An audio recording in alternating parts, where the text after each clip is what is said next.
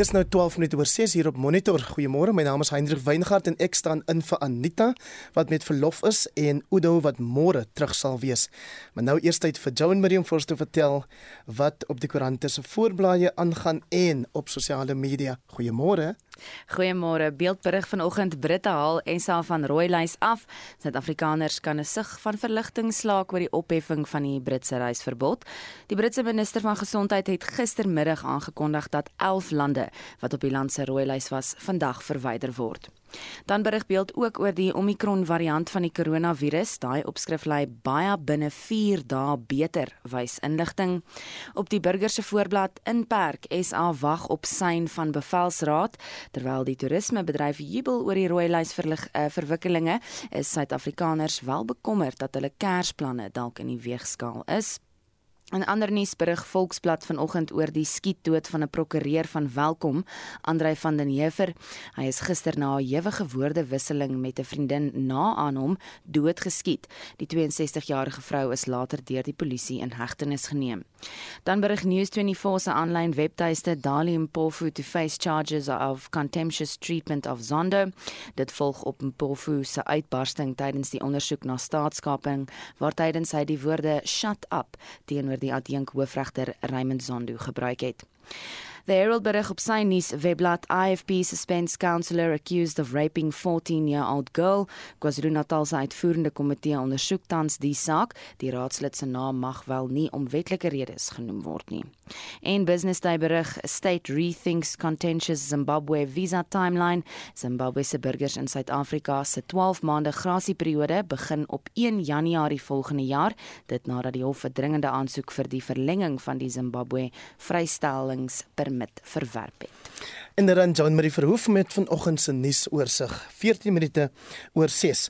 Nou gister het ons julle gevra watse geskenke gee jy hierdie jaar, hierdie tyd van die jaar vir jou huiswerker of tuinier? Vanoggend wil ons weet omdat dit mos nou die tyd is vir geskenke gee as dit binne jou vermoë is en ontvang as jy gelukkig is Hoe gemaak as jy 'n pakkie, 'n geskenkpakkie kry waarvan die inhoud jou nog nie heeltemal aanstaan nie?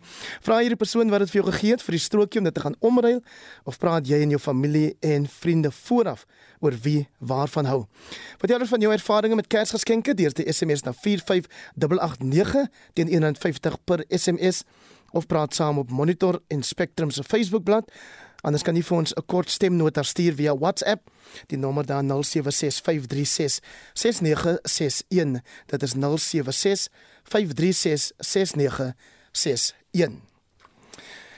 Nou die DEA aan die Vrystaat is bekommerd dat misdadigers in plaasaanvalle en vee diefstal onsuksesvol vervolg word. Slegs 14,5% van plaasaanvallers word gefonnis terwyl slegs 15% van vee diefstal ondersoeke in die provinsie tot suksesvolle vervolging lei. Ons praat nou met die leier van die DA in die Vrystaat, Dr. Roy Jenkinson hieroor. Roy, goeiemôre. Goeiemôre, Hendrik. So hierdie statistiek wat ek nou in die inleiding aangehaal het, is deur William Bulwane, die Vrystaatse ALR vir polisie, paaie en vervoer bekend gemaak op 'n vraag van die DA. Hoe reageer julle hierop? En Hendrik, hy het op 'n vraag van ons af ehm um, geantwoord dat tussen 2018 en tot huidigelik in 2021 was daar 13841 sake van veediefstal aangemeld en daar slegs 4002 arrestasies en 605 mense is gefonnis gefonnis en skuldig bevind. En ons is baie bekommerd oor die lae arrestasiesyfers en veral die gemiddeld en dan ook die hoeveelheid mense wat eintlik skuldig bevind word aan die einde van die dag.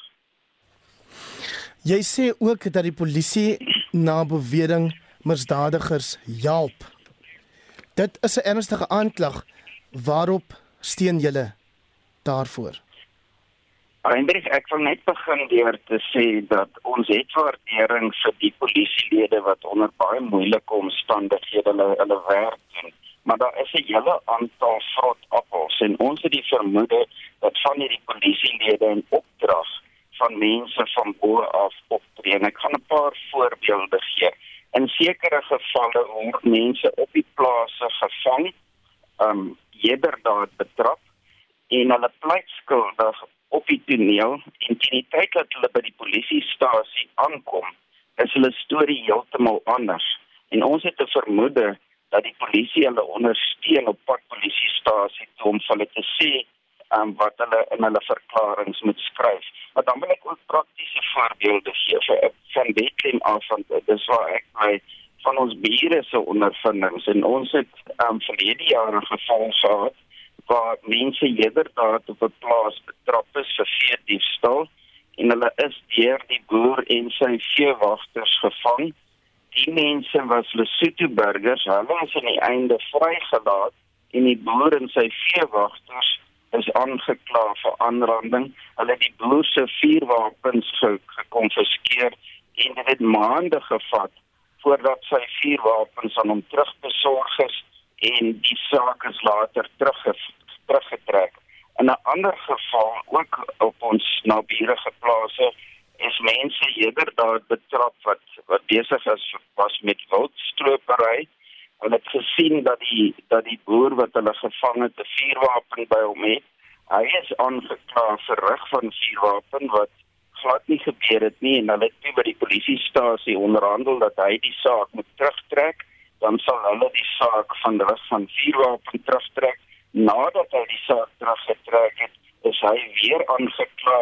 Daai ehm um, wildstroopers is vrygelaat en weer eens is sy vuurwapens gekonfiskeer. So ons is baie bekommerd dat die polisie eintlik medepligtig is en ons boere is nie net teikens van misdadigers nie, maar ook teikens van 'n stelsel wat ehm um, wat teen hulle teen hulle werk. Roy en julle nou al hierdie vermoede van julle onder die aandag van die onafhanklike polisie ondersoekdirektoraat of OPOT gebring. Hierdie hierdie klagtes is al by hulle aangemeld verskeie kere, maar ons ons kry nie um die die nodige ondersteuning altyd van hulle af nie. Um hulle hulle ondersoek net sekere sake teen die polisie.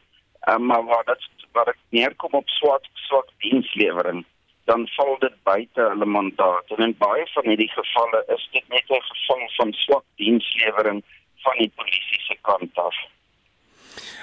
Wat sou 'n hoofsaak die rede wees vir hierdie swak polisieering in platlandse gebiede? Ja, dit is nie net ehm um, gevalle waar die polisie in opdrag van bo af ehm um, meer beplastig is nie, maar ons polisiestasies in die in die platteland het geweldige gebrek aan hulpbronne soos voertuie en so. Hulle kry nie die nodige ondersteuning van die regering af om hulle werk te kan doen en daar's baie min sigbare polisieering op die grond. En dan um, word die plattelandse veiligheidsstrategie ook nie geïmplementeer nie. Hulle het hierdie strategie en ons is ons is van mening dat dit eintlik beter geïmplementeer moet word en in die meeste gevalle moet ons boere hulle eie planne in plek sit om hulle self te beskerm te beskerm. So ons het byvoorbeeld kameras op, ons het 'n beheerkamer wat wat die kameras monitor en waar mense ook misdaad kan aanmeld. Maar dit dit is ook dit is dit is ook addisionele kostes vir ons boere wat reeds ehm um, reeds gebuk gaan onder geweldige moeilike ekonomiese omstandighede.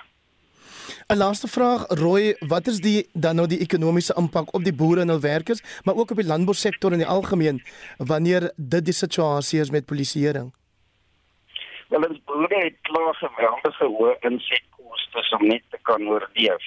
En dan is daar twee gedie direkte impak van misdaad wat miljarde rande kos en byvoorbeeld op die Lesotho grens is dit baie moeilik om te boer um, met enige iets as gevolg van die oorgrensmisdaad um, in die Vrystaat en dele van die Oos-Kaap en KwaZulu-Natal.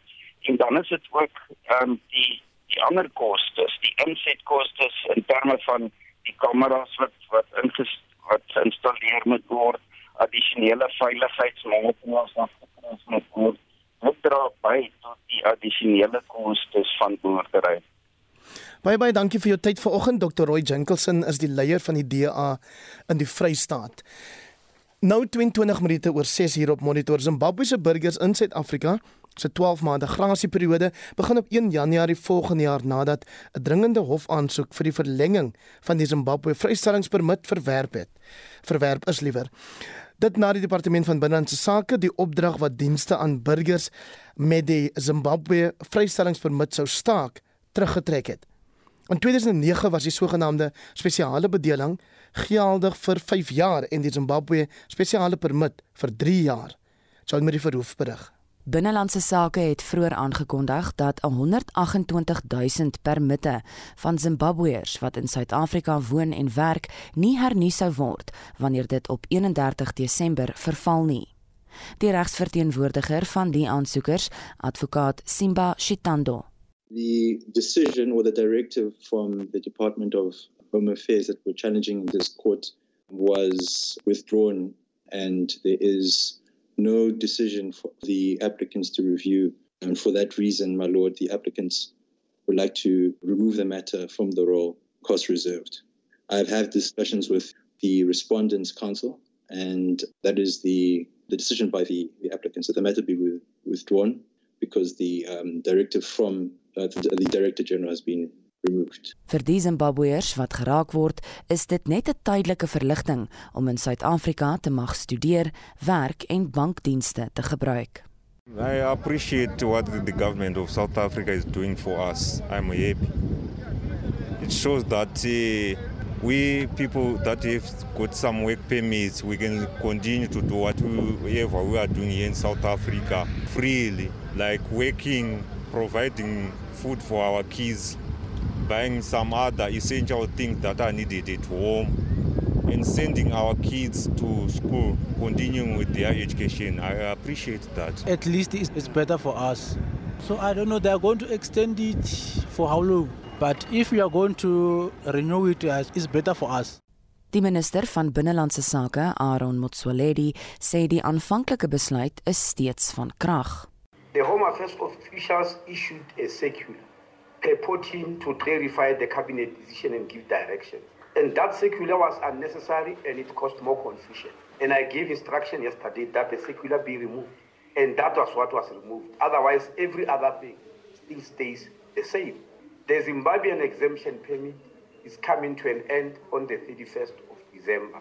And unlike the previous years, it's not being renewed.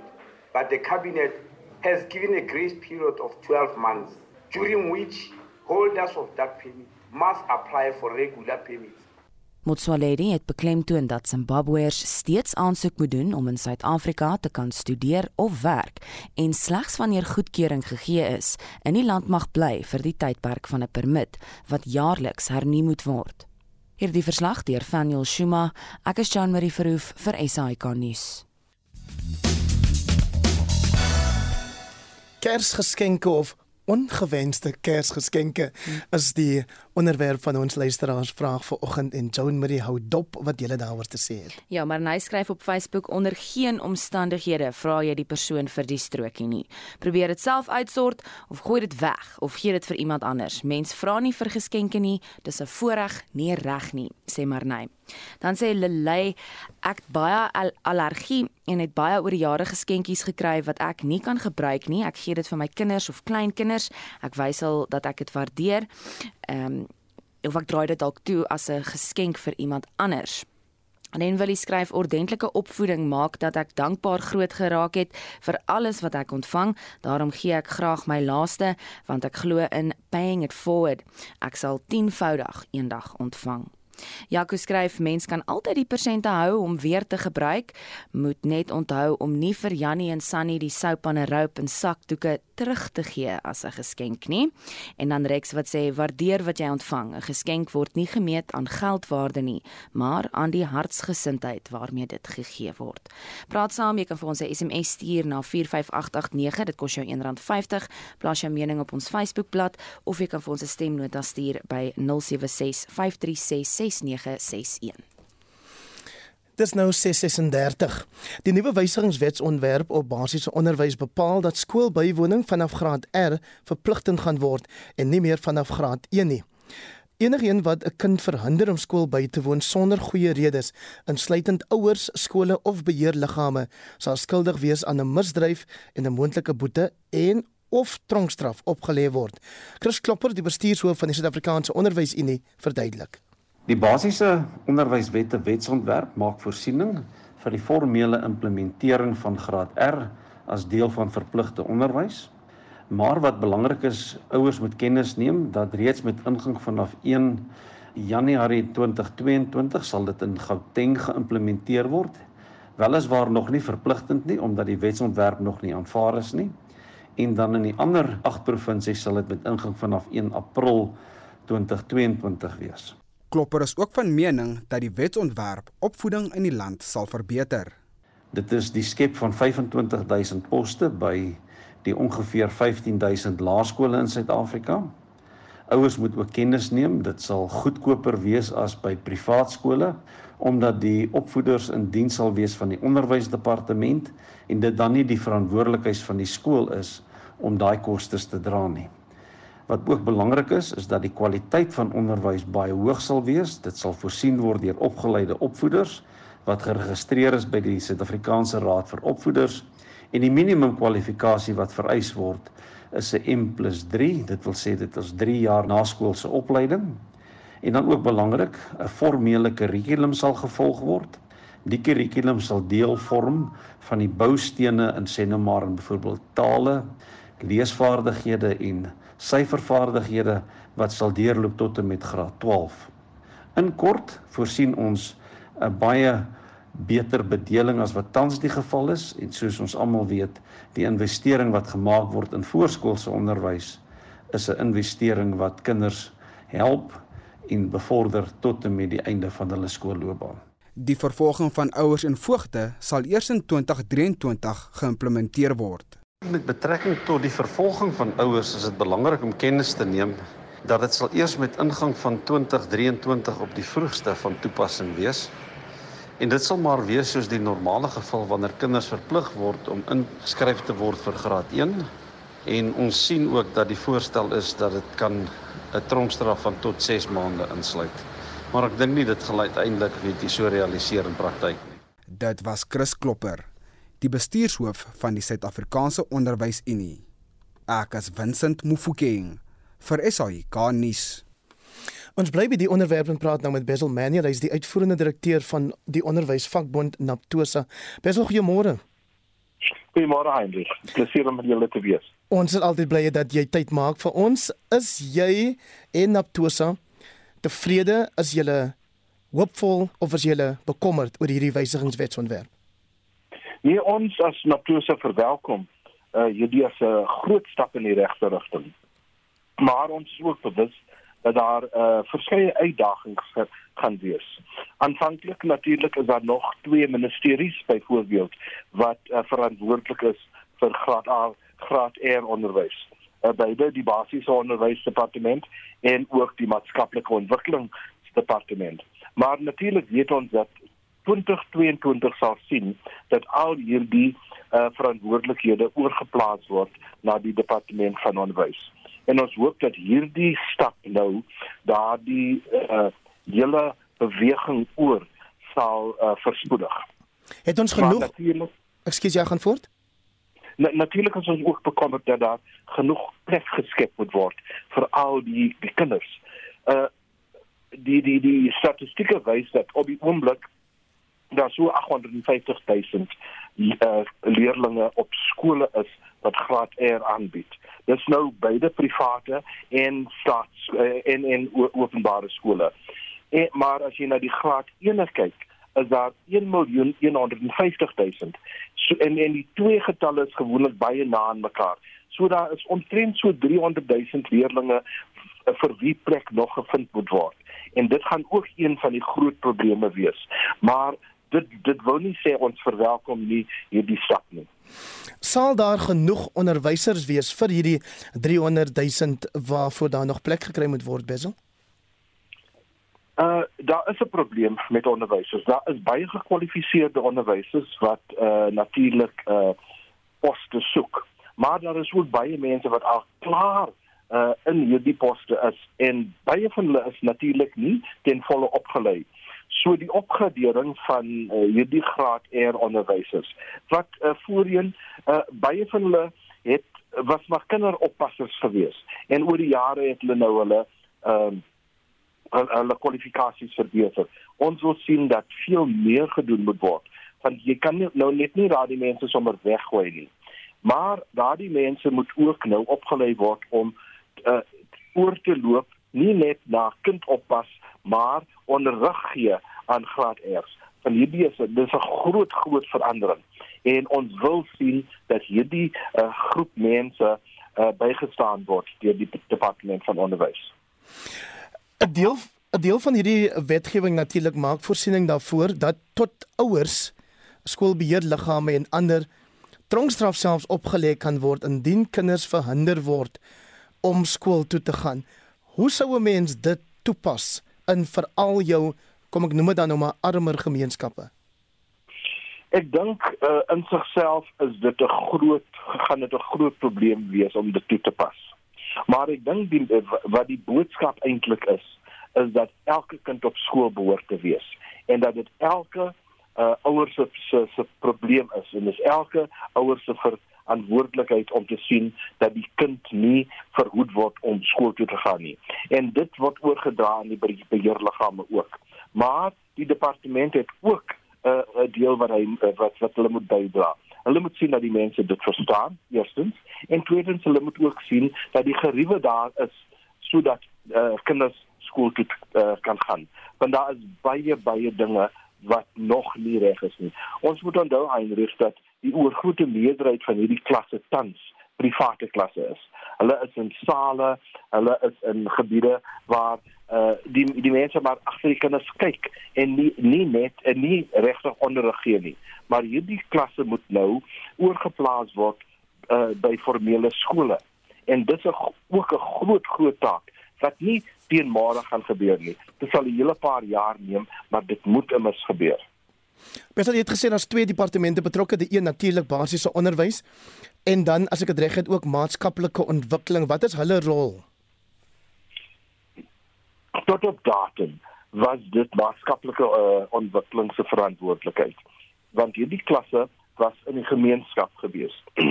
en dit was nie eerstens gesien as deel van basiese onderwys uh omtrent so 3 jaar gelede het die was daar nou idees gewees om dit te verander. En nou moet ons sien dat al hierdie verantwoordelikhede oorgedra word. Maar dit kan mos nou nie oornag gebeur nie. En ons het ons het nou al klaar baie werk gedoen, maar daar is nie genoeg plek op 'n primêre skool nie. Dis waar die een probleem lê. Die die die die tweede probleem is natuurlik uh die onderwysers daar het tot op dese uh, 'n stipend gekry. Hulle het nie volle salarisse gekry nie. As jy nou opgelei is, dan behoort jy 'n uh, onderwyser se salaris kry. En al hierdie dinge is nou nog uh, besprekings en ons is uh, betrokke daarbey en ons wil sien dat die regte dinge geskied. Waardering vir jou insette soos altyd Basil Manuel is die uitvoerende hoof van die onderwysvakbond Naptosa.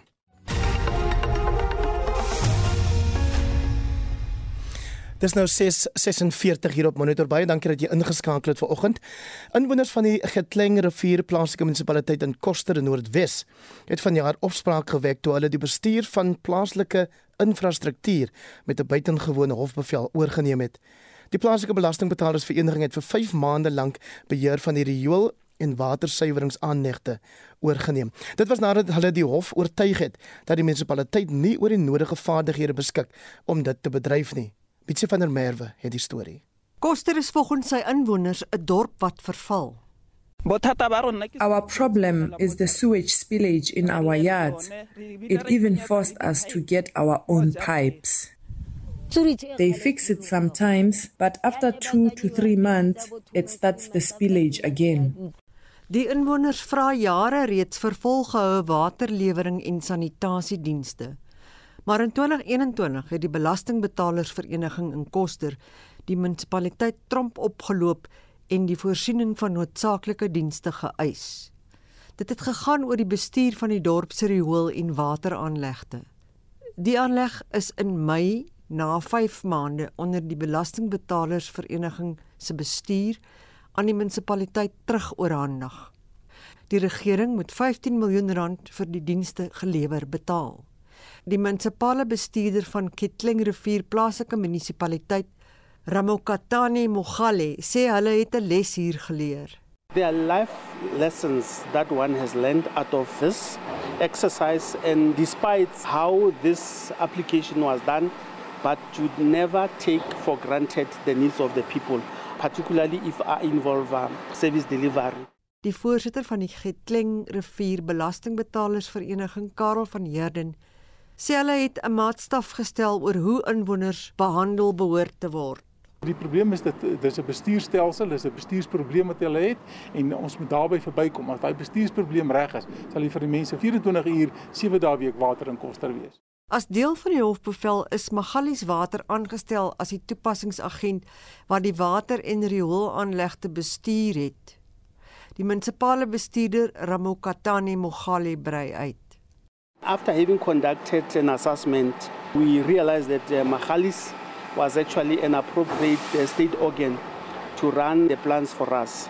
As a municipality, we indeed, in fact, appoint Mahalis, and then there were, of course, a number of issues that which were conditional to them running our plans amongst others was that they were to do skill transfer to the process controllers that we had because that was actually the main reason why the application was done. Van Heerden sê baie is gedoen om dienste te herstel. Elektrisiteitsonderbrekings duur egter voort. Daar moet generators in plek gesit word by Kosterdam en by substasies sodat daar gedurig as daar nie krag is nie dat daar water gepomp kan word. As jy die krag aansit is daar dadelik krag, maar as jy die krag aansit is daar nie dadelik water nie. So die water moet eers gesuiwer word om dit vat daar om dit te doen. So dis die probleem dat daar moet generators in plek gestel word sodat die water op 'n volhoubare basis elke dag aan die inwoners van Koster gepomp kan word. Volgens inwoners blyk dit of dienste nou gestabiliseer het na uitgerekte hofsaake. Dit is waarna almal smag. Itumuleng Gajani het hierdie verslag in koster saamgestel. Met Sif van der Merwe, SAK-nuus. 650. Die direkteur van die Instituut vir Toekomsnavorsing aan die Universiteit Stellenbosch, Dr. Morney Morstert, is deur die presidentsie aangewys as een van die 28 nuwe lede van die Nasionale Ontwikkelingskommissie. Ander lede sluit in die politieke ontleder professor Sipamandla Zondi, die mediapersoonlikheid Nikiwe Bikitsa en die misdaadkenner professor Guy Lam. Moster het gister aan Monitor gesê hy beskou die geleentheid om op die kommissie te dien as 'n geweldige voorreg. My belangstelling natuurlik is in die ondersoek van alternatiewe langtermyn toekomste. En natuurlik baie belangrik om te gaan kyk wat is die opsies vir die langtermyn toekoms van Suid-Afrika. Die huidige toekoms lyk nie altyd baie rooskleurig nie, maar daar is alternatiewe toekomste wat moontlik is. En ek glo ek sal 'n rol kan speel om dit te laat gestalte vind. As jy na die Suid-Afrikaanse landskap kyk, of dit nou polities, ekonomies of maatskaplik is, wat beskou jy as van ons groot uitdagings? Ek dink die uitdagings is so duidelik sigbaar dat dit amper vanselfsprekend is. Die geweldige politieke, die faksionalisme, die gebrek aan sosiale kohesie natuurlik eh, die gebrek aan werksgeleenthede en dis meer. Die interessantheid is egter dat die toekoms is nie onafwendbaar nie. Met ander woorde, ons hoef nie blootgestel te word aan 'n sekere destruktiewe toekoms nie. Alternatiewe toekoms is moontlik. Dit gaan afhang van die kwaliteit van ons besluitneming. En dit is waar deel van my hoop vandaan kom. Toe president Ramaphosa oorgeneem het as staatshoof het hy gesê daar sal nuwe lewe geblaas word in die nasionale ontwikkelingsplan. Tot hoe mate reken jy het dit tot nou tot uitvoer gekom? Ek dink meeste analiste sou argumenteer dat ons nog nie genoeg praktiese resultate van hierdie alternatiewe toekoms van Suid-Afrika waargeneem het nie. Maar ek dink as jy gaan kyk na die profiel van mense op die nuwe nasionale beplanningskommissie, sal jy waarneem dat dit mense is met 'n veelvoudige spektrum van benaderingsperspektiewe en agtergronde en ek dink dit laat dinge belovend lyk. Glo jy dan ook dat die nasionale ontwikkelingsplan steeds as 'n blou druk vir Suid-Afrika se toekoms kan dien? In sy huidige formaat nee, ek dink ons het 'n opdatering en modernisering daarvan nodig, maar dit gee natuurlik ook die geleentheid vir vernuwing. Watter rol reken 'n toekomskundige kan hy speel in die nasionale beplanningskommissie? Hein, ons is nederige studente van die toekoms. Ons is nie voorspellers van die toekoms nie. En in die toekomswetenskap probeer ons kyk na die implikasies vir alternatiewe besluitneming. Dit dink ek is die grootste waarde wat ons kan speel. Ons kan 'n bydrae maak om toekomste te skets en daarmee bedoel ek nie volgende week nie, maar ek bedoel die langer termyn toekoms van Suid-Afrika soos wat vele ander lande ook aan werk ons kan hierdie alternatiewe toekomste skets en ons kan dan 'n analise doen van wat dit beteken vir die tipe besluitneming wat nodig is om by hierdie alternatiewe toekomste uit te kom. Die stem daar van Dr. Monne Mostert, hy is die direkteur van die Universiteit Stellenbosch se Instituut vir Toekomsnavorsing en hy is pas as een van die 28 nuwe lede van die Nasionale Ontwikkelingskommissie aangestel. Die Britse minister van Gesondheid, Sajid Javid, sê dat al 11 lande van vandag af van die rooi lys vir internasionale reis verwyder word. Javid sê weens die verspreiding van die Omicron COVID variant na Brittanje en die res van die wêreld is verdere reisbeperkings ondoeltreffend. Die rooi lys is einde November ingestel toe Omicron in Suid-Afrika aangemeld is. Al 11 lande is in Afrika suid van die Sahara geleë. Leidens die maatreëls moes aankomelinge van die 11 lande vir 10 dae op eie onkoste in goedgekeurde hotelle isoleer. Javid het gesê dat hy raad inwind voordat besluit word of mense tans in die afsonderingshotelle vroeër ontslaan sal word. Die opheffing van die rooi lys het vanoggend om 6:00 Suid-Afrikaanse tyd in werking getree. Aaron Munetsi, die uitvoerende hoof van die Lugdiensvereniging van Suidelike Afrika, het so op die aankondiging gereageer. It was clear from the start that restrictions, the intentions of which are debatable, were counterproductive and ineffective. We trust that policymakers and political leaders will take their lead from science and harmonize adoption of measures for safe air travel that are recommended by the World Health Organization and its United Nations sister body, the International Civil Aviation Organization. At the same time, governments that have imposed restrictions on air travel ought to provide financial relief to airlines, their service providers, and employees who have all been negatively affected by these restrictions. Aaron Monetsi, die uitvoerende hoof van die Lugdiensvereniging van Suidelike Afrika. Intussen het die gesondheidsmaatskappy Discovery Health gesê inligting dui daarop dat die twee doses Pfizer-enstof meer doeltreffend was teen die Delta variant as die oorheersende of die heersende Omicron variant. Discovery het sy gevolgtrekking gemaak op grond van meer as 211 000 COVID-19 PCR toetse waarvan 41% van die respondente die Pfizer-enstof ontvang het. Data wys ook dat die meeste pasiënte wat gehospitaliseer word nie ingeënt is nie. Die inligting is vanaf 1 September tot 7 Desember ingesamel. Nou die Rooikruisvereniging moes sy bedrywighede in die Vrystaat opskort weens die groot voorkoms van COVID-19 gevalle daar. Die vereniging sê 70% van sy vrywillige werkers en personeellede het positief getoets vir COVID-19. Die woordvoerder sê weens die hoë voorkoms van die Omicron variant is al sy werknemers gevra om vir die volgende 10 dae hulself af te sonder. Sy sê na die kwarantyne tydperk sal die Rooi Kruis sy werksamehede kan voortsit. Joan Marie het vir ons terugvoer oor vanoggend se luisteraarsvraag. Ja, kom ons begin met 'n stemnota van William in Germiston. Ek kry ook geskenke. Al wat ek sê is net baie dankie. Ek kan nie vir hulle sê nee, dankie nie. My ma my pa gee vir my 'n geskenkie ook en ek is dankbaar daaroor. Dani skryf ek gee geskenkbewyse van 'n bekende afdelingswinkel as geskenke. Op hierdie wyse kan die persone hul eie geskenke koop en is jy seker dat jy nie iets gee wat nie waardeer sal word nie. Dit werk vir my. Op die SMS lyn skryf iemand waardeer wat jy kry. Duisende van ons kry niks vir Kersfees nie. Daai sepies, sakdoeke en room of poeier sal vir ou mensies wat sukkel 'n groot vreugde bring. Engela skryf 'n geskenkie van enige aard is baie welkom en word aanvaar. Dit gaan soms nie oor die inhoud van die geskenkpakkie nie, maar die gedagte, the gesture, skryf sy. Dis die gesture wat tel, skryf sy. Die lewe is te kort om nog te kla oor inhoud van 'n geskenk. Dit mag jou laaste geskenkie wees van iemand, aanvaar dit en wees dankbaar en sê dankie met 'n opregte hart. Nou ja, ons praat vanoggend oor jou ervarings met Kersgeskenke. Jy kan vir ons 'n SMS stuur na 45889. Dit kos jou R1.50. Jy kan ook gaan saampraat op ons Monitor en Spectrum Facebookblad en dan natuurlik kan jy vir ons 'n WhatsApp stemnota stuur. Die nommer daar is 076 536 6961.